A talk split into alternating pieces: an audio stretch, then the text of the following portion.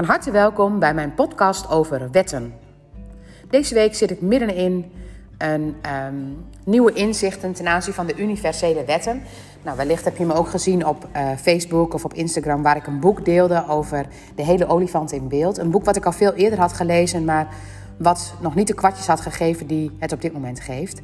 En met het webinar van aanstaande donderdag over de wet van de aantrekkingskracht in um, nou, in ogenschouw, merk ik dat er altijd van alles naar me toegetrokken wordt op dat gebied om daar allemaal inzichten over te krijgen. Dus ook dat boek, wat ik al tijden in de kast had en wat ik ook al een keer had gelezen, maar nooit op deze manier, kwam mij weer ter oren en, uh, of nou, kwam gewoon in mijn hoofd.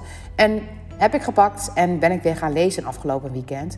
Waardoor ik deze week, zoals gisteren al, van het ene inzicht in het andere viel. En nou, net had ik ook een gesprek met iemand en dat was echt een typisch gevalletje van de gulden snede, noem je dat. Dat is ook een wet. Dat iets wat in het klein een verandering geeft, dat gaat exponentieel op een bepaalde manier een bepaalde groei teweeg brengen. Dus eigenlijk, nou, de hulpvraag waarmee ze kwam, dat geeft bij mij een bepaalde beweging, waardoor het bij haar weer een bepaalde beweging geeft, waardoor het bij mij weer een bepaalde beweging geeft, waardoor het eigenlijk een, um, ja, een, geven en nemen is met een groei erbij in. Oftewel, dat is eigenlijk iets wat er in de wet altijd aan de hand is. Iets wat, er aan, wat, wat in beweging gezet wordt, dat geeft zeg maar steeds meer beweging. Dat gaat een steeds grotere uitslag geven qua beweging.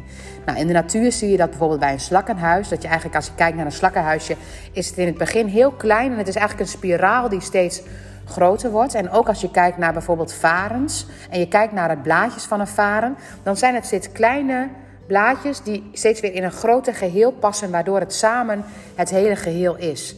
En wij zijn als mens natuurlijk een onderdeel van zo'n varen. En samen zijn we een hele plant. En het moment dat je beseft dat je als je een kleine verandering op één vlak brengt, dat het heel veel verandering geeft in de hele, uh, heel veel um, soort van omwentelingen geeft. En dat die omwentelingen steeds een beetje groter mogen zijn, dat geeft echt een hele um, verruimende blik, laat ik het dan zo aangeven. Nou, waarom begin ik hierover te vertellen en waarom wil ik dit ook graag vertellen? Um, het moment dat je kijkt naar je eigen hoofd, dan um, heb ik in mijn hoofd allemaal overtuigingen, heb ik allemaal wetten en uh, alle overtuigingen, dus dingen die ik van vroeger uit zeg maar, heb geleerd. Dus bijvoorbeeld stel je voor, ik zou iets doen en dat, ging, dat liep niet goed af. Dan heb ik in mijn hoofd dat ik dat niet meer moet doen, want dan loopt het niet goed af. En dat doe ik om te zorgen dat ik niet nog een keer in zo'n situatie kom. Oftewel, ik zorg ervoor dat ik een bepaald muurtje plaats, zodat ik niet buiten die kaders kom waar het eventueel wel eens in een angstsituatie, waar ik het spannend vind. Maar op het moment dat ik bij besef dat dat situatie waar ik bang voor ben, um, nou, op die manier wellicht wel groter gemaakt wordt dan dat het werkelijk is, dan beperk ik mij dus, terwijl ik daarmee eigenlijk ook mij een bepaalde ruimte ontneem. Dus een overtuiging die ik heb, die zorgt er ook voor dat ik op een bepaald vlak iets niet meer doe, wat wel in mijn potentieel ligt, zeg maar, in mijn mogelijkheden ligt. Nou, overtuigingen zetten ons op die manier een beetje vast in ons systeem. En als je kijkt naar de wet van de aantrekkingskracht, dan is eigenlijk alles mogelijk. Het hele potentieel is er. Je kunt alles. Eigenlijk hoef je maar één ding: op een bootje te gaan zitten kabbelen op een riviertje. En um, wel een doel misschien voor ogen hebben voor jezelf, maar niet een, een, een richting. Want als je naar die richting gaat, dan komt het allemaal naar je toe wat jij nodig hebt om dat te gaan uh, bewerkstelligen. En de natuurwetten werken ook echt zo.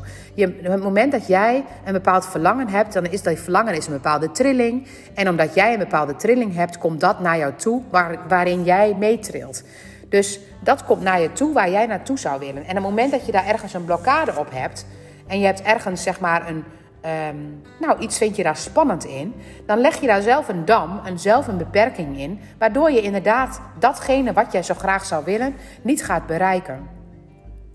Nou, die overtuigingen, die zitten in ons hoofd. En het moment dat je ervan uitgaat dat ons hoofd, dat jij dat bent, dat dat het kleine wereldje is, dan is de wereld om ons heen, het universum, is het grote wereldje eromheen. En het moment dat ik uitstraal dat ik iets graag wil, en ik zou één zijn met de buitenwereld, dan is dat hetzelfde. Dan zou ik krijgen wat ik eigenlijk wil. Maar op het moment dat in mijn hoofd een bepaalde overtuiging zit die mij in de weg zit, omdat ik daarmee bang ben om um, om ergens in terecht te komen waar ik niet in terecht zou willen komen, dan is dat een beperking. Dus heeft mijn hoofd eigenlijk de beperking om niet in diezelfde trilling te komen als het universum eigenlijk als trilling geeft. Dus eigenlijk alle dingen waar ik mijzelf bewust van ben en denkbeelden. Dus als ik denk over Ehm, het zijn van een alleengeboren tweeling, wat voor gevolgen dat heeft. Het zijn van eventueel zijn de vorige levens, ja of nee. En wat voor gevolgen die vorige levens met me mee, meebrengen. Of als ik kijk naar mijn kinderen en wat ik eventueel anders zou moeten doen om ze dingen te, te leren. Of als ik kijk naar het geloof en naar allemaal.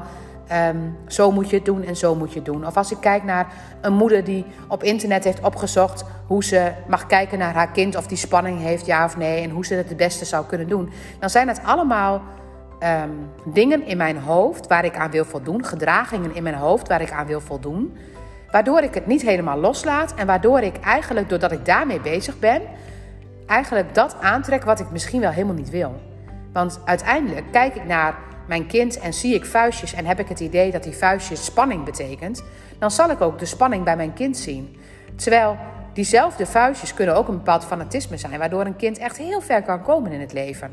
Dus het is maar welke interpretatie je er zelf aangeeft, welk oordeel je er zelf aangeeft, wat voor beeld je daarvan krijgt. En als je weet wat voor beeld je daarvan krijgt, of als je dat beeld hebt, dan zit dat in jouw systeem en is dat ook jouw trilling. Dus eigenlijk gaat het hele systeem over erop vertrouwen dat zo binnen is zo buiten. Dus het moment dat je vertrouwt op dat alles er gewoon is. Dat het hele universum voor jou is in plaats van tegen jou is. En dat je eigenlijk altijd gidsen op je pad zou kunnen krijgen. En die gidsen zijn dan niet meteen engelen of meteen ehm, spirituele wezens. Maar gidsen zijn ook die buurman die precies dat zegt wat jij op dat moment even nodig bent. Of die krant die komt op het moment dat jij precies dat stukje artikel nodig bent om weer een bepaalde richting te maken richting jouw dromen en verlangens. En zo hebben we allemaal gidsen op ons pad. En gidsen op ons pad zijn dus niet meteen allemaal ehm, vogeltjes, vlindertjes en dat soort dingen. Maar de hele dag worden wij omgeven door allemaal gidsen. Door allemaal tekentjes die ons een bepaalde routing geven. Nou, als je dan helemaal weer teruggaat naar jezelf, dan, of helemaal, dan klinkt alsof het heel ver is, maar het universum voelt voor mij als iets heel groots. En op het moment dat je helemaal naar terug gaat naar jezelf, ben jij een onderdeel daarvan. En zo beneden is zo boven en zo boven is beneden. Dat is een wetmatigheid. Oftewel, als iets op één plek zo is, dan is het ook op een andere plek. Alles is één. Dus het moment dat ik vertrouw op het universum dat dat het is, en ik daaraan aan over kan geven, dan, en ik dat helemaal los kan laten, dan zal het naar me toe komen zoals ik het graag zou willen. Moet je natuurlijk wel weten wat je eigenlijk graag zou willen. Want anders heb je geen, niet een bepaalde focus ergens op. Maar ehm, het moment dat je naar je kinderen kijkt en je ziet bepaalde dingen wat je eigenlijk niet zo zou willen. Bijvoorbeeld dat babytje wat ik net zag, wat vuistjes had en wat dus wellicht een gespannen kindje had, wat ik er helemaal niet aan zag. Ehm, dan ga ik met de ogen kijken van er is een bepaalde spanning. En daardoor zal ik ook een bepaalde spanning trekken. Want dat is de trilling die ik naar, daar naartoe trek. Dus op het moment dat mijn kind moeite heeft met lezen en ik heb gehoord van het begrip dyslexie, dan zou het zomaar kunnen zijn dat het nog geen dyslexie is, maar dat ik de dyslexie maak doordat ik de trilling daaraan geef. En het moment dat ik naar een ziekte kijk en ik bijvoorbeeld buikpijn heb en mijn buurman ook buikgriep heeft, dan kan ik misschien denken van goh, hij heeft me besmet en ik heb ook die buikgriep. Dan is dat ook zo, want dan trek ik dat naar mij toe. Want dat is mijn hoofd die daar een bepaalde overtuiging over heeft, dat dat met elkaar te maken heeft. Terwijl het moment dat ik het gewoon los kan laten en ik kan denken, oh, mijn buik doet zeer. En mijn buik doet zeer en ik ga het gewoon voelen en het mag er zijn. Dan komt er een heel ander systeem los. Dan is het een heel andere wetmatigheid wat daaraan toe, aan, aan um, ten grondslag ligt. Dan is het niet een angst waar ik van verdorie, ik heb dat en het is naar. Nee, misschien moest die buikgriep wel even om mezelf op te schonen. Of misschien moest die buikgriep wel even om even weer helderder te krijgen wat ik precies wilde, omdat ik iets te hard ben doorgegaan. Dus alles wat je op je pad krijgt zijn gidsen. Alles wat je kinderen laten zien aan gedragingen, aan klachten, dat zijn gidsen op jouw pad. En op het moment dat jij dat ziet als gidsen die boodschapjes brengen en die jou verder kunnen helpen, dan zul je precies dat ontdekken waar jouw dromen en verlangens liggen. En dan zul je op een hele eenvoudige, rustige manier, zonder oordeel, jouw droom gaan leven.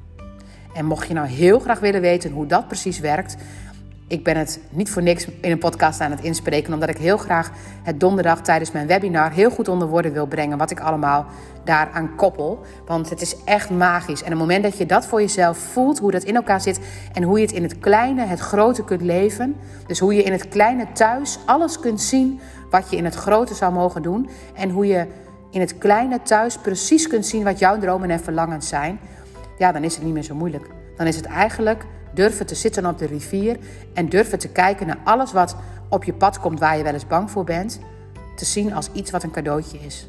En als je op die manier kunt kijken, dan denk ik dat je alles aantrekt wat je maar graag zou willen. Mocht je geïnteresseerd zijn in de webinar aankomende donderdagavond, je kunt het ook altijd terugluisteren mocht je de donderdag zelf niet bij kunnen zijn. Op mijn site www.willemijntrip.nl kun je onder webinars de link vinden en dan kun je je alsnog inschrijven voor donderdag. Graag neem ik je mee in de webinar over de wet van de aantrekkingskracht en de presentiaalmethode. Want het is echt magisch hoe het mooi in elkaar zit. Dankjewel voor het luisteren en tot de volgende podcast.